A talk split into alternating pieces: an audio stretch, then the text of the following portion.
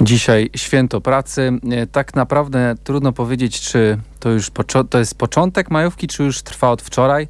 To zależy, jak tam ludzie pracują. W każdym razie e, nieprzerwanie tutaj UWMFM gra dla Was. No i anglokultura, tak jak e, cyklicznie się pojawia, tak dzisiaj też 1 maja nie jest wyjątkiem.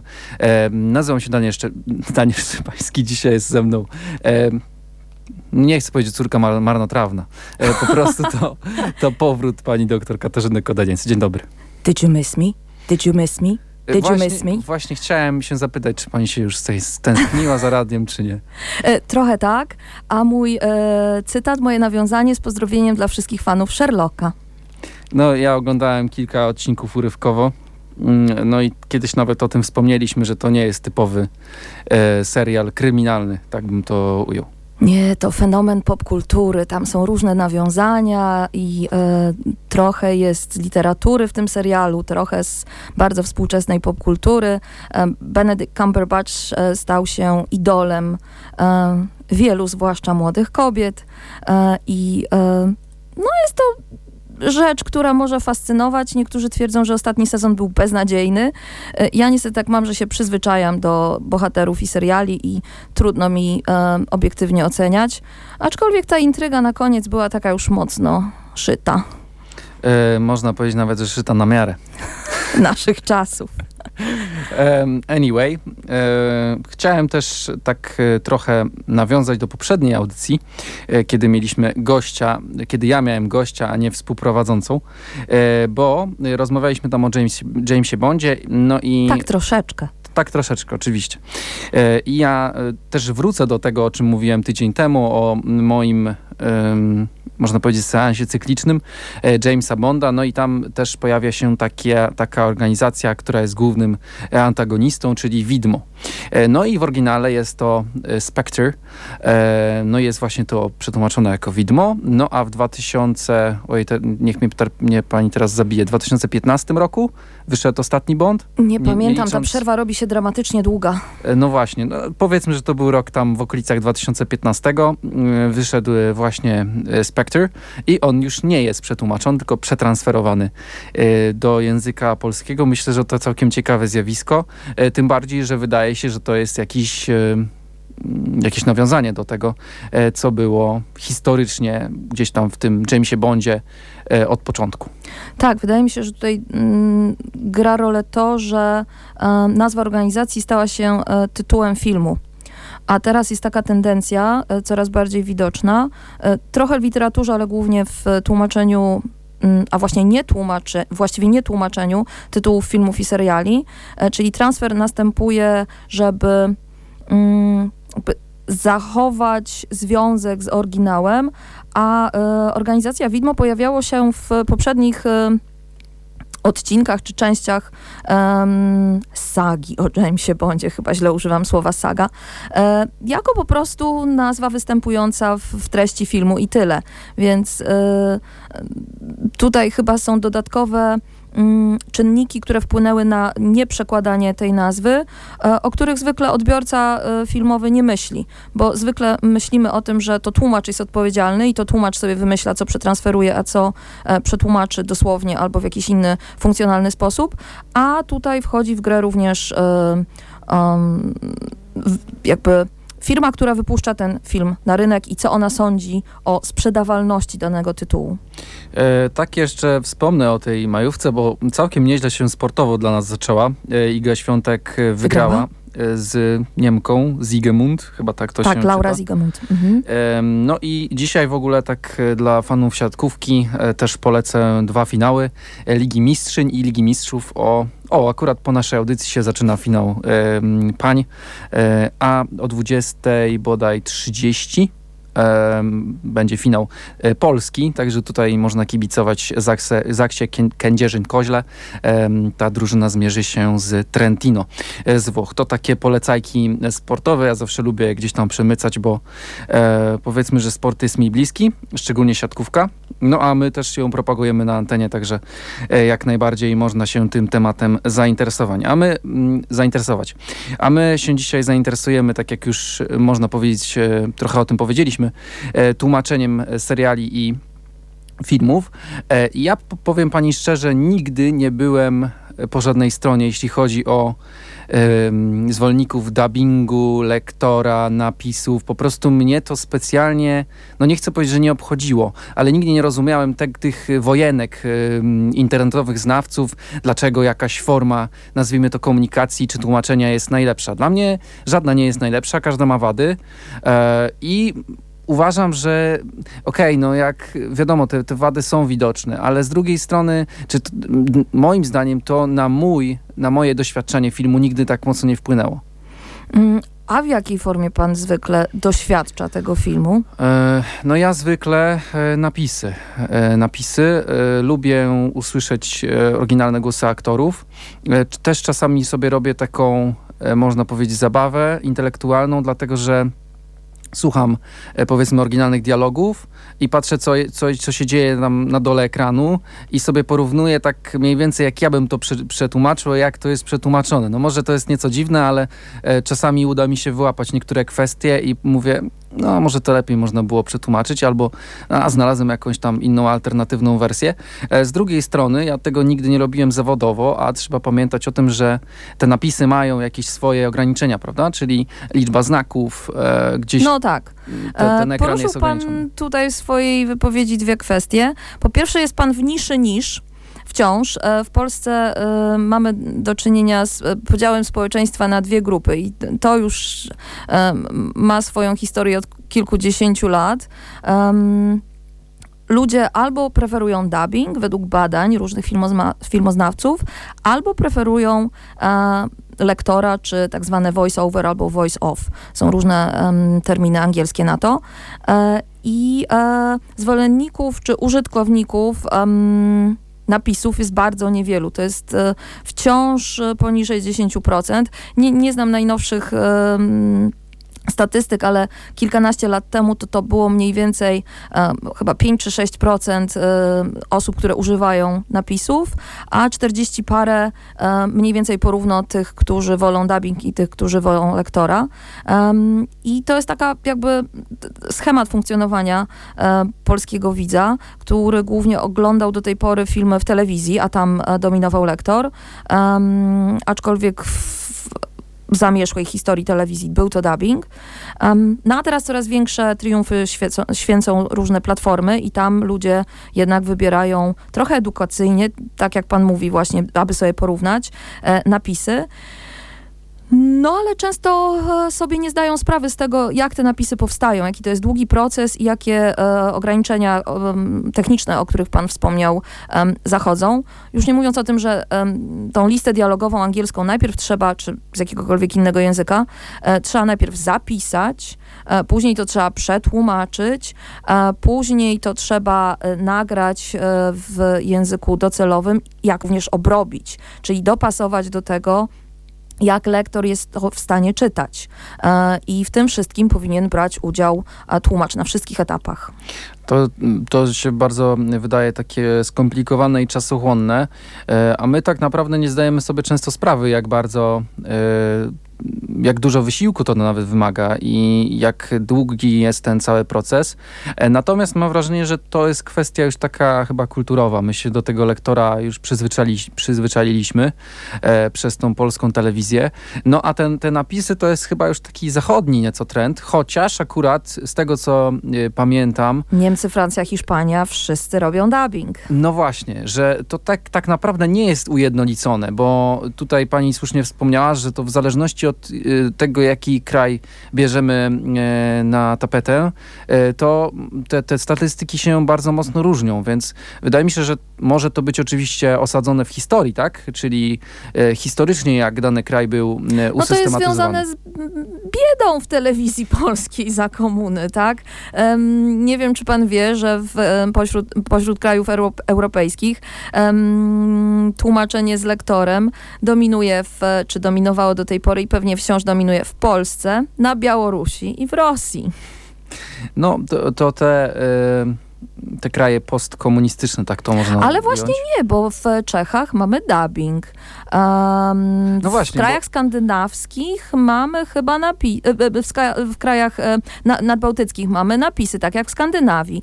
Więc e, te tendencje są takie trochę mm, jakby w poprzek e, podziałom historycznym. Hmm, to ciekawe, y, o czym pani mówi. Wydaje mi się, że ta dywersyfikacja jest e, podyktowana, no można powiedzieć, że wieloma czynnikami i one są e, trochę takie niezależne od tych trendów, powiedzmy, międzynarodowych, tak to bym ujął, bo tak jak powiedzieliśmy, nie ma tego ujednolicenia, bo jestem ciekaw, jak te statystyki wyglądają w przypadku e, Ameryki e, i jak tamtejsi odbiorcy na to wszystko reagują.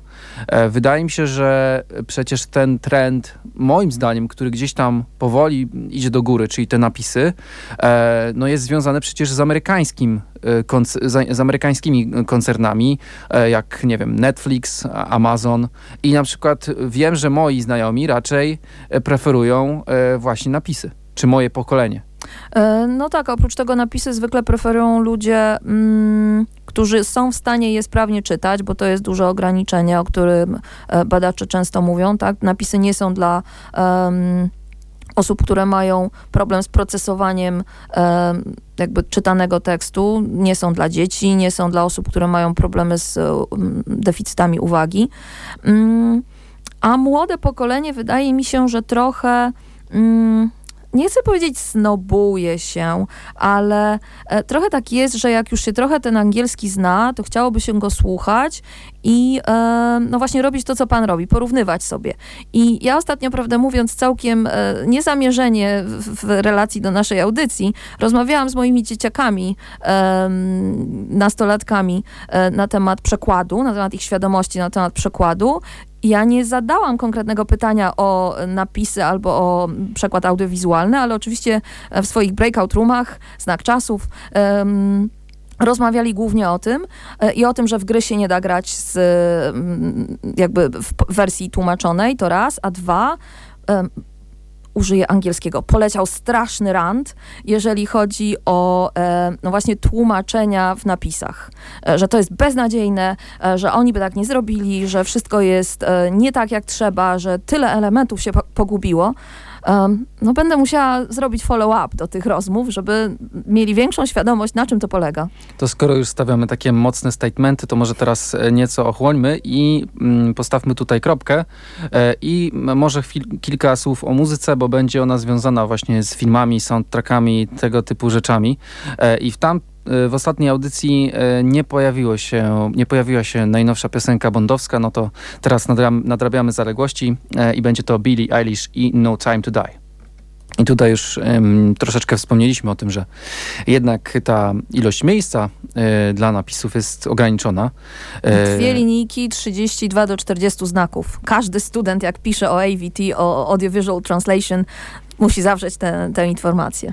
No właśnie i z, z tego też względu pewne, można powiedzieć, e, informacje muszą być pominięte. E, Część musza, musi być uproszczona, coś musi się zagubić. E, No i tutaj, skoro już pani podjęła temat tych swoich em, uczniów, no to musi pani wytłumaczyć, że jednak gdyby, gdyby chcieć mm, przekonwertować wszystkie informacje, które są obecne w tym em, tekście, nazwijmy to tak docelowym, czy oryginalnym, Źródłowym, oryginalnym. Mhm. e, to nie dałoby rady tego zrobić technicznie po prostu. E, Tak, i pewnie teoretycznie z tyłu głowy wiele osób sobie z tego zdaje sprawę, ale z drugiej strony to, co słyszy, każdy słyszy trochę inaczej, każdy jakiś element wychwyci, który akurat zna, słowo, które zna, albo jakieś odnosi, jakiś odnośnik do kultury, który zna, e, no i zawiesza ucho i zawiesza jakby swoją analizę językową na tym słowie i chciałby mieć konkretny ekwiwalent, a to tak się nie da, bo tak jak pan wspomniał, te wszystkie uproszczenia, inne zmiany zachodzą, tak zwana konden, kondensacja tekstu następuje i mm, na przykład elementy kulturowe wypadają, e, nawiązania do tego, co na ekranie w oryginale są, a w tłumaczeniu już nie mogą być, bo zabraknie miejsca. E, jakieś retoryczne e, powtórzenia na przykład e, też e, zanikają. Zanikają, em, czy jakby interpretowane są e, konkretne znaczenia i e, wyrażane są w sposób uproszczony, czyli na przykład jeżeli coś mamy wyrażone trzema przymiotnikami, e, że jestem taki, taki i taki, a znaczeniowo efektem jest, że ktoś jest e, sfrustrowany, no to tłumacz prze, przełoży to jako frustruje mnie to i koniec, kropka, tak? Bo z, z siedmiu słów w oryginale zrobi mu się trzy w tłumaczeniu i no te napisy będą właśnie um, takie zwarte i komunikatywne.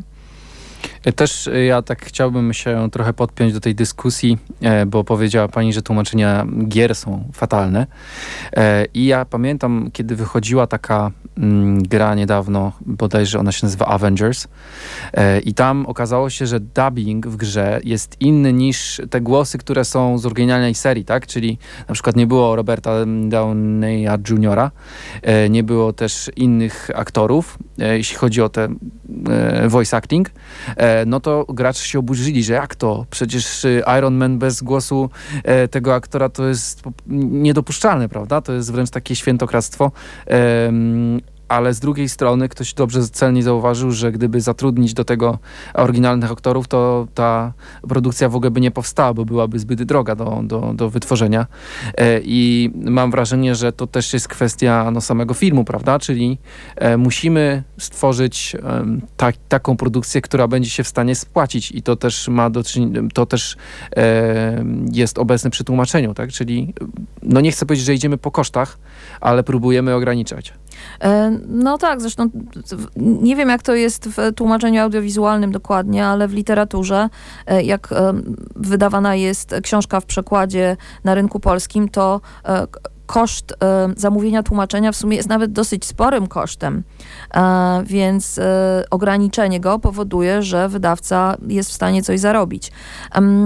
Efektem tego, że jakby gracze nie do końca e, akceptują przekład e, na polski, jest to, że e, dzieci i młodzież, czy w ogóle gracze jako kategoria odbiorcy i użytkownika języka uczą się angielskiego bardzo sprawnie. I ja to widzę po moich uczniach, którzy być może gramatyki nie opanowali w stopniu powiedzmy na poziomie średnio zaawansowanym, ale już słownictwo w pewnych dziedzinach związanych z grami um, które ich interesują, już tak. I to jest e, wartość dodana tego całego procesu. Ja kiedyś rzuciłem okiem na e, chociażby e, niemieckojęzyczną czy, czy angielskojęzyczną e, wersję Wiedźmina. No i tam też e, występuje dubbing, no i te napisy.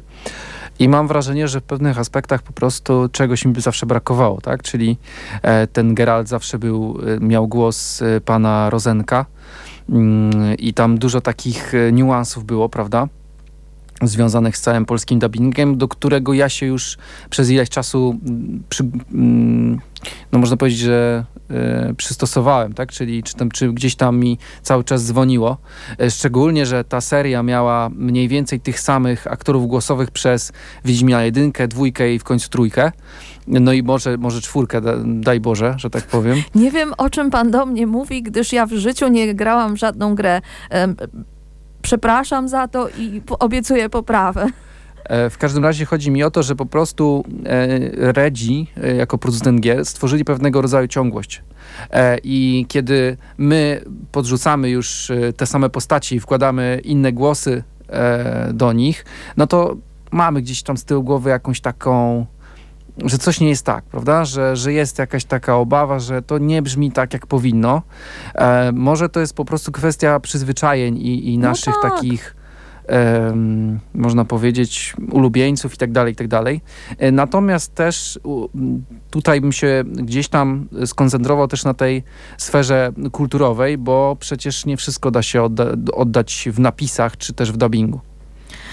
Oczywiście i um, no i cóż na to możemy poradzić? W, może powróćmy z, z, z, gier do seriali czy filmów.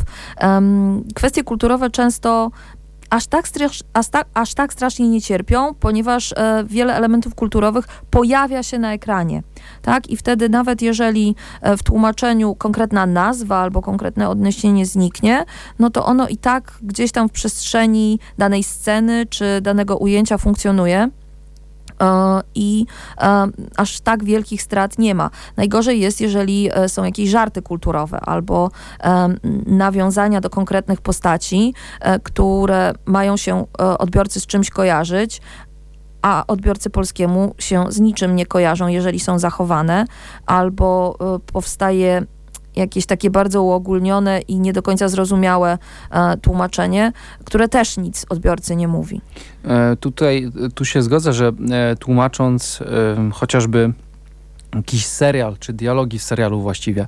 E, tłumacz ma trochę łatwiej niż mm, jeśli chodzi o te e, kwestie związane z literaturą chociażby.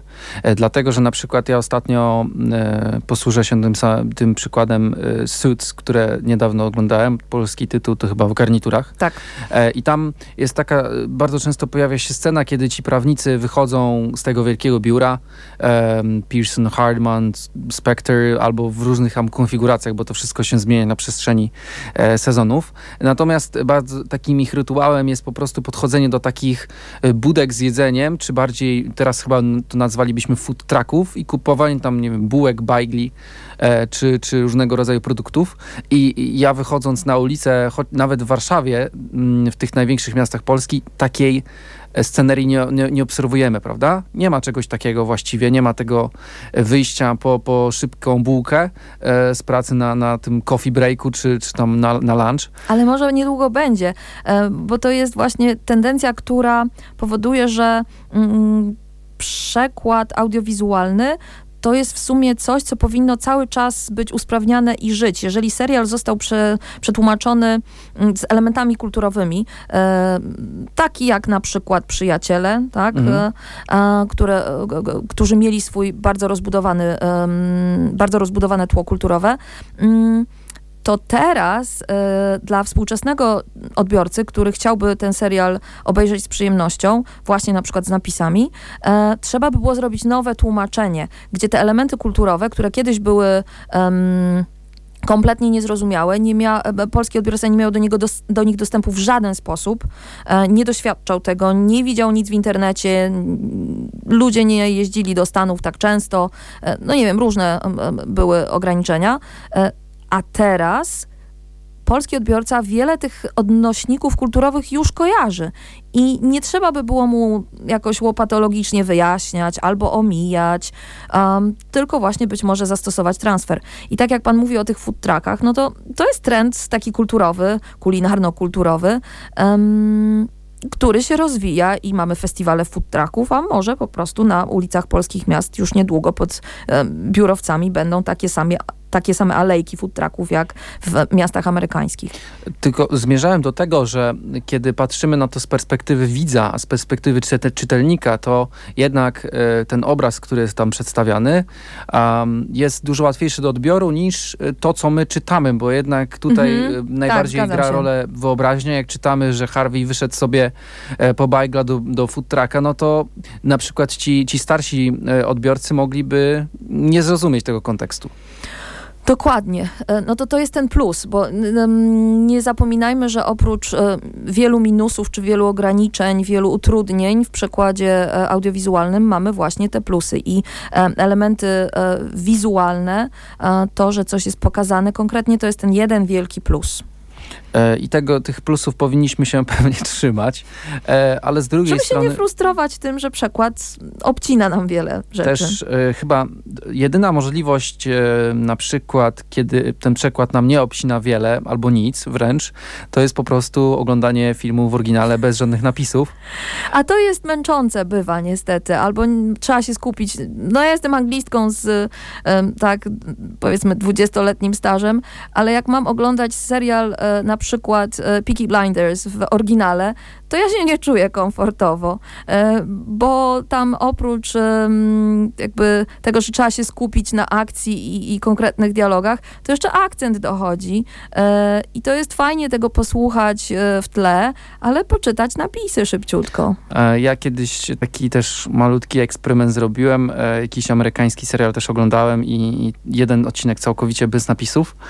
No i tam powiedzmy, że sens odcinka ogarnąłem, ale e, często miałem problem po, w poszczególnych dialogach, że po prostu aktorzy tak w cudzysłowie faflunili, że ja nie byłem w stanie e, rozpoznać, o czym oni mówią. E, po prostu ich tak zwany ten idiolekt był tak charakterystyczny, że było to dla mnie sporym problemem. Mało tego, ostatnio słuchałem takiego wywiadu z polskim młodym piłkarzem Jakubem Moderem, E, i on się przeniósł do Brighton, takiego zespołu w Anglii e, i mówił, że tam kiedy się wychodzi powiedzmy do sklepu po bułki, takie przysłowiowe, e, to on ma często problem, bo nie jest w stanie rozpoznać nawet tego w cudzysłowie oficjalnego języka, tak? No bo tam widzą, no, że on się jest... nauczy, to już rozpozna, tak? To kwestia osłuchania. No jest tam cztery miesiące, nie? I, mhm. i mówisz, że jest to trudne, tak? A już w ogóle on ma tam chyba fizjoterapeutę, z tego co mówił, ze Szkocji.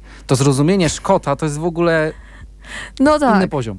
Ja miałam problem z Harrisonem Fordem na przykład. E, to znaczy, jak oglądałam um, Gwiezdne Wojny, e, pierwszą e, trylogię, no to chyba w telewizji oglądałam i to było oczywiście z lektorem. A, a później jak um, obejrzałam to po raz pierwszy z napisami, ambitnie chciałam oglądać bez niczego, ale niestety słuchanie Harrisona Forda bez napisów, no ja akurat oglądałam z angielskimi, e, bez jakichkolwiek napisów jest bardzo męczące. On faktycznie w, akurat w tym filmie mówił bardzo niewyraźnie, jak dla mnie. Minęła nam właśnie połowa audycji, to teraz czas na krótką przerwę. E, będzie, pojawi się na antenie teraz zespół e, Edge Over, Overkill, a utwór to jest dosyć długa nazwa. Girl, You'll Be a Woman Soon. Chciałem jeszcze pani, panią zapytać o jedną rzecz, która wydaje mi się bardzo e, ciekawa. Czy pani uważa, że w na przykład dubbingu albo w tłumaczeniu jakimś y, filmów czy, czy seriali jest tłumaczenie kanoniczne? Matko Bo święta. Wie, o co mnie pan pyta tak w zasadzie? W wie sensie... pani, do czego ja zmierzam? No. Bo dla mojego pokolenia, mam takie wrażenie, bardzo ważnym filmem jest film Shrek. I jestem pewien, że moje pokolenie nie wyobraża sobie Szreka bez głosu Zbigniewa Zamachowskiego. Okej. Okay. A y, czy to samo dotyczy głosu Jerzego Sztura jako osła, czy już niekoniecznie? Wydaje mi się, że tak. No właśnie, i tu jest problem z tym Szrekiem, ponieważ y, nie do końca jestem, tak prawdę mówiąc, e, w stanie stwierdzić, e, na ile intertekstów um, wierzbięta mógł sobie pozwolić, a na ile sobie pozwolił i czy pana pokolenie wychwytuje te interteksty, no bo jednak jest pan dużo młodszy ode mnie i ja nie wiem, czy pan Seksmisję oglądał. E, i... Oglądałem, widziałem parę razy. No właśnie, ale czy wszyscy z pana pokolenia oglądali Seksmisję i kojarzą i, i te nawiązania, to, że um, Sztur um, jest osłem, to, że um, jest tam um, jakby nawiązanie do piosenki Śpiewać każdy może. Um, nie pamiętam, czy to w pierwszym szeregu, czy w drugim jest, czy Zastałem Jolkę. Mhm. E, I to są wszystko nawiązania do rzeczywistości poza tym filmem, do rzeczywistości polskiej, kulturowej. E, Wierzbięta w różnych wywiadach mówił, że on po prostu intuicji słuchał, w, w, um, podpowiadała mu, jak coś tłumaczyć i jak czuł, tak tłumaczył, nie zastanawiając się do końca y, jakby czy ludzie to wszystko wyłapią i czy te smaczki będą dla nich ważne. Mm, ludzie, którzy są um, jakby nastolatki współczesne, też bardzo lubią ten film. I też się zastanawiałam, na ile one rozumieją te wszystkie nawiązania i czy to jest w ogóle potrzebne. Um, bo nawet na ostatniej konferencji translatorycznej wyszło nam, że e, takie filmy jak Shrek, tłumaczone w tak charakterystyczny sposób, w zasadzie mają podwójnego odbiorcę. E, czyli młodą widownię, która po prostu e, śledzi historię jakby głównego bohatera i e, bohaterów pobocznych. pobocznych a ich rodzice powiedzmy, e, wyłapują te wszystkie nawiązania kulturowe, e, które się pojawiają, a które są niedostępne dla młodszego odbiorcy, ponieważ on jest po prostu za młody, żeby cokolwiek z tych nawiązań kojarzyć. To ja mam tutaj takie dwa e, podpunkty, które chciałbym poruszyć. Pierwszy to to, że wydaje mi się, że dla, mo dla mojego pokolenia, szczególnie kiedy byliśmy tacy malutcy, no to po prostu najważniejszy był ten dobór aktorów głosowych, e, do postaci, które, które grają i to po prostu w Shreku udało się bardzo dobrze. E, te role są bardzo dobrze obsadzone i to po prostu się zgrywa w spójną całość i wydaje mi się, że jednak tych na pewno jako najmłodsi odbiorcy tych wszystkich inter, intertekstualnych smaczków nie, nie wychwyciliśmy, ale i tak dla nas ta historia była na tyle pochłaniająca i, i tak na tyle spójna z tymi głosami, które do nas tam mówiły przez ten ekran, że my po prostu uważamy to za, za pewnego rodzaju kanon. I dzisiaj jakby nam odebrano tego e, tego aktora Zamachowskiego na przykład, czy, czy Jerzego Sztura, to byśmy się czuli, jakby nam trochę zabrano, zabrano zabawki, zabawki, tak? Dzieciństwo. E, a dru, od, od, odnośnie tej drugiej rzeczy, tej intertekstualności, to ja na przykład tutaj bym e, podał taką bajkę Johnny Bravo. Kojarzy pani? No właśnie nie. No to widzi pani, ona kiedyś e, była emitowana bodaj przez e, Cartoon Network i tam ona jest teoretycznie e, jakby skierowana do najmłodszego odbiorcy, ale jako dorosła osoba, kiedy na przykład prześledzi się tam dialogi i pewnego rodzaju nawiązania, to to już zupełnie wykracza poza te percepcję najmłodszego odbiorcy. Czyli tam jest bardzo dużo takich jakichś no, podwójnych znaczeń, tak? E, tego, że e, coś może znaczyć tak naprawdę bardzo wiele e, i oczywiście to nie jest moim zdaniem jakoś bardzo szkodliwe, ale sprawia, że dany produkt może być właściwie skierowany do każdego rodzaju odbiorcy. A to ciekawe jest. Musiałabym sobie obejrzeć ten, co to jest w zasadzie. Mm jakby to, że coś jest skierowane do um, dwóch grup odbiorców nie jest niczym nowym w świecie kultury. Um, Alicja w Krainie Czarów też tak funkcjonowała i te przekłady, które się po polsku pojawiły, też tak powinny funkcjonować. Um, a w wielu wypadkach e, były robione z nachyleniem e, w kierunku widza, przepraszam, odbiorcy e, młodszego. I, e, I być może wierzbięta właśnie doszedł do wniosku, że on nie będzie brał pod uwagę głównie widza młodszego, um, pozwolił sobie na kreatywność. E, to jego tłumaczenie uznawane jest właśnie za kanon kreatywności w przekładzie audiowizualnym. Um, I wykorzystał potencjał języka polskiego i kultury polskiej. Tylko pytanie właśnie, jak tak, takie tłumaczenia oceniać, bo pod względem y, odbioru, można powiedzieć, publiczności, to takie właśnie tłumaczenia kanoniczne jak y, Shrek, czy na przykład Kubuś Puchatek, E, no, były oceniane bardzo wysoko, ale pod względem już chociażby, nie wiem, e, bliskości do tego tekstu wyjściowego, możemy już je oceniać negatywnie, bo to są często dwa w ogóle odrębne E, teksty, prawda? No tak, ale tutaj e, znowu pojawia się odwieczny problem, co to znaczy bliskość do, do oryginału. Czy mówimy o bliskości wobec słów, no i wtedy faktycznie um, Shrek jest bardzo daleko od oryginału, ale jeżeli chodzi o odtwarzanie konceptów, atmosfery, e, odnośników kulturowych, tam był do kultury amerykańskiej, u nas są do kultury polskiej, e, no to już ten przekład jest jako mm, jakby cały mechanizm tworzenia e, treści docelowej jest bardzo wierny. Tylko właściwie to tak sobie pomyślałem teraz, że y, te wszystkie smaczki, o których opowiadaliśmy w, w kontekście Shreka, sprawiają, że e, tekst jest związany, tak jak pani powiedziała teraz, z taką e, polską e, kulturą. Ta tak zwana domestykacja zachodzi na, można powiedzieć, pełnej, w pełnej rozciągłości.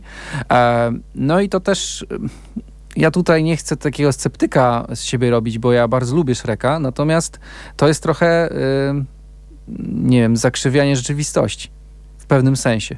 No bo Shrek nie jest przecież o, o Polsce. A no tak, że to kłamstwo. Mm, no ale czym jakby oglądamy film po to, żeby odtworzyć rzeczywistość? Może niekoniecznie, więc y, w, w gatunku tak zwanej czystej rozrywki może to się po prostu sprawdza.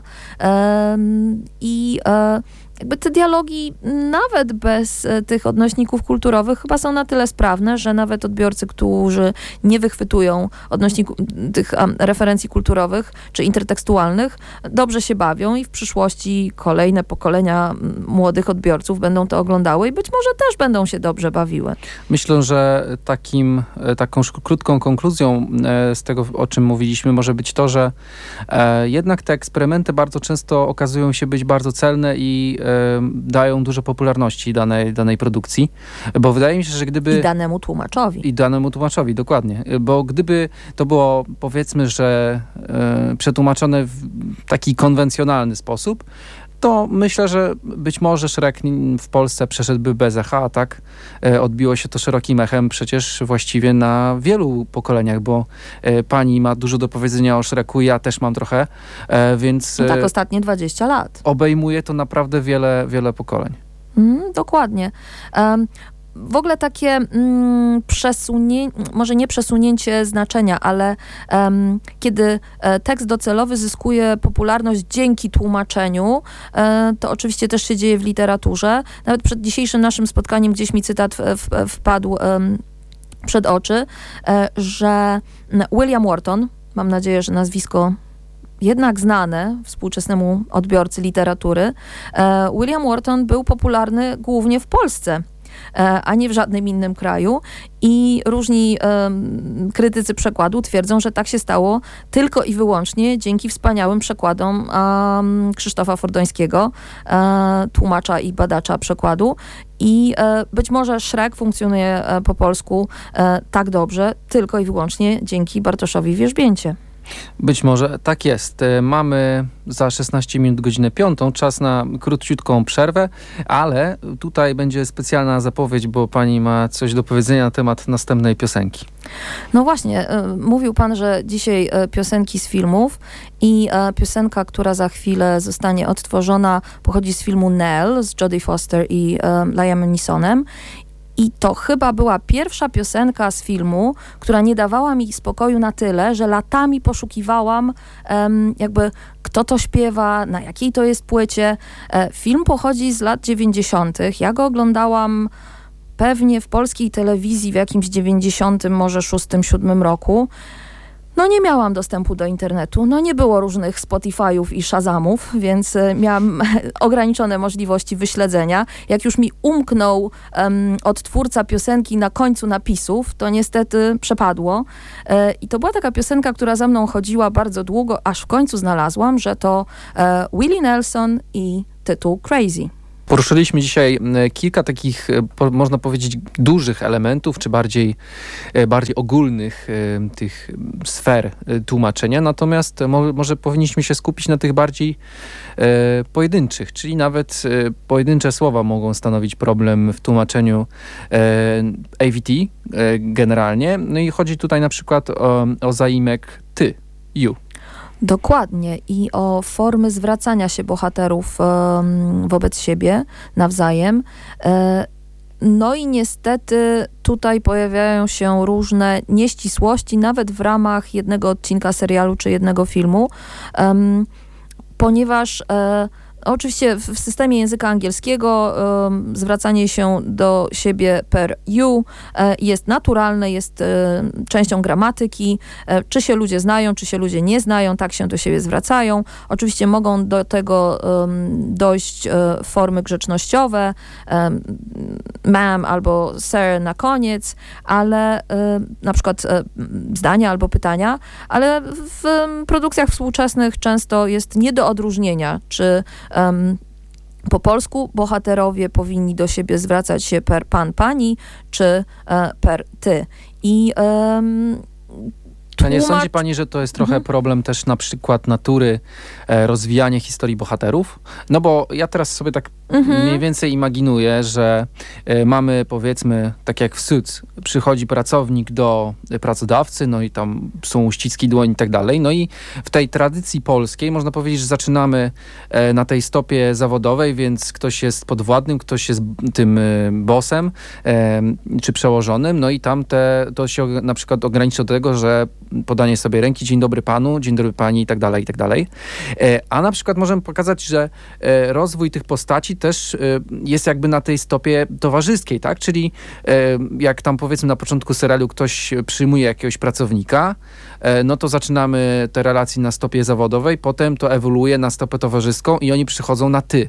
I takiej sytuacji tak naprawdę nie można od, odzwierciedlić drugą stronę, tak? Czyli na przykład jeżeli polski serial czy film byłby tłumaczony na język angielski. Mhm. It sounds so easy, so easy when you say it. Um, często tłumacz musi się postawić e, w, w roli um, empatycznego i e, bardzo zaangażowanego widza w związku z tym, co pan mówi. Um, czyli musi jakby kolokwialnie mówiąc, wyczaić moment, kiedy oni by przeszli na ty po polsku. E, I to nie jest chyba takie łatwe.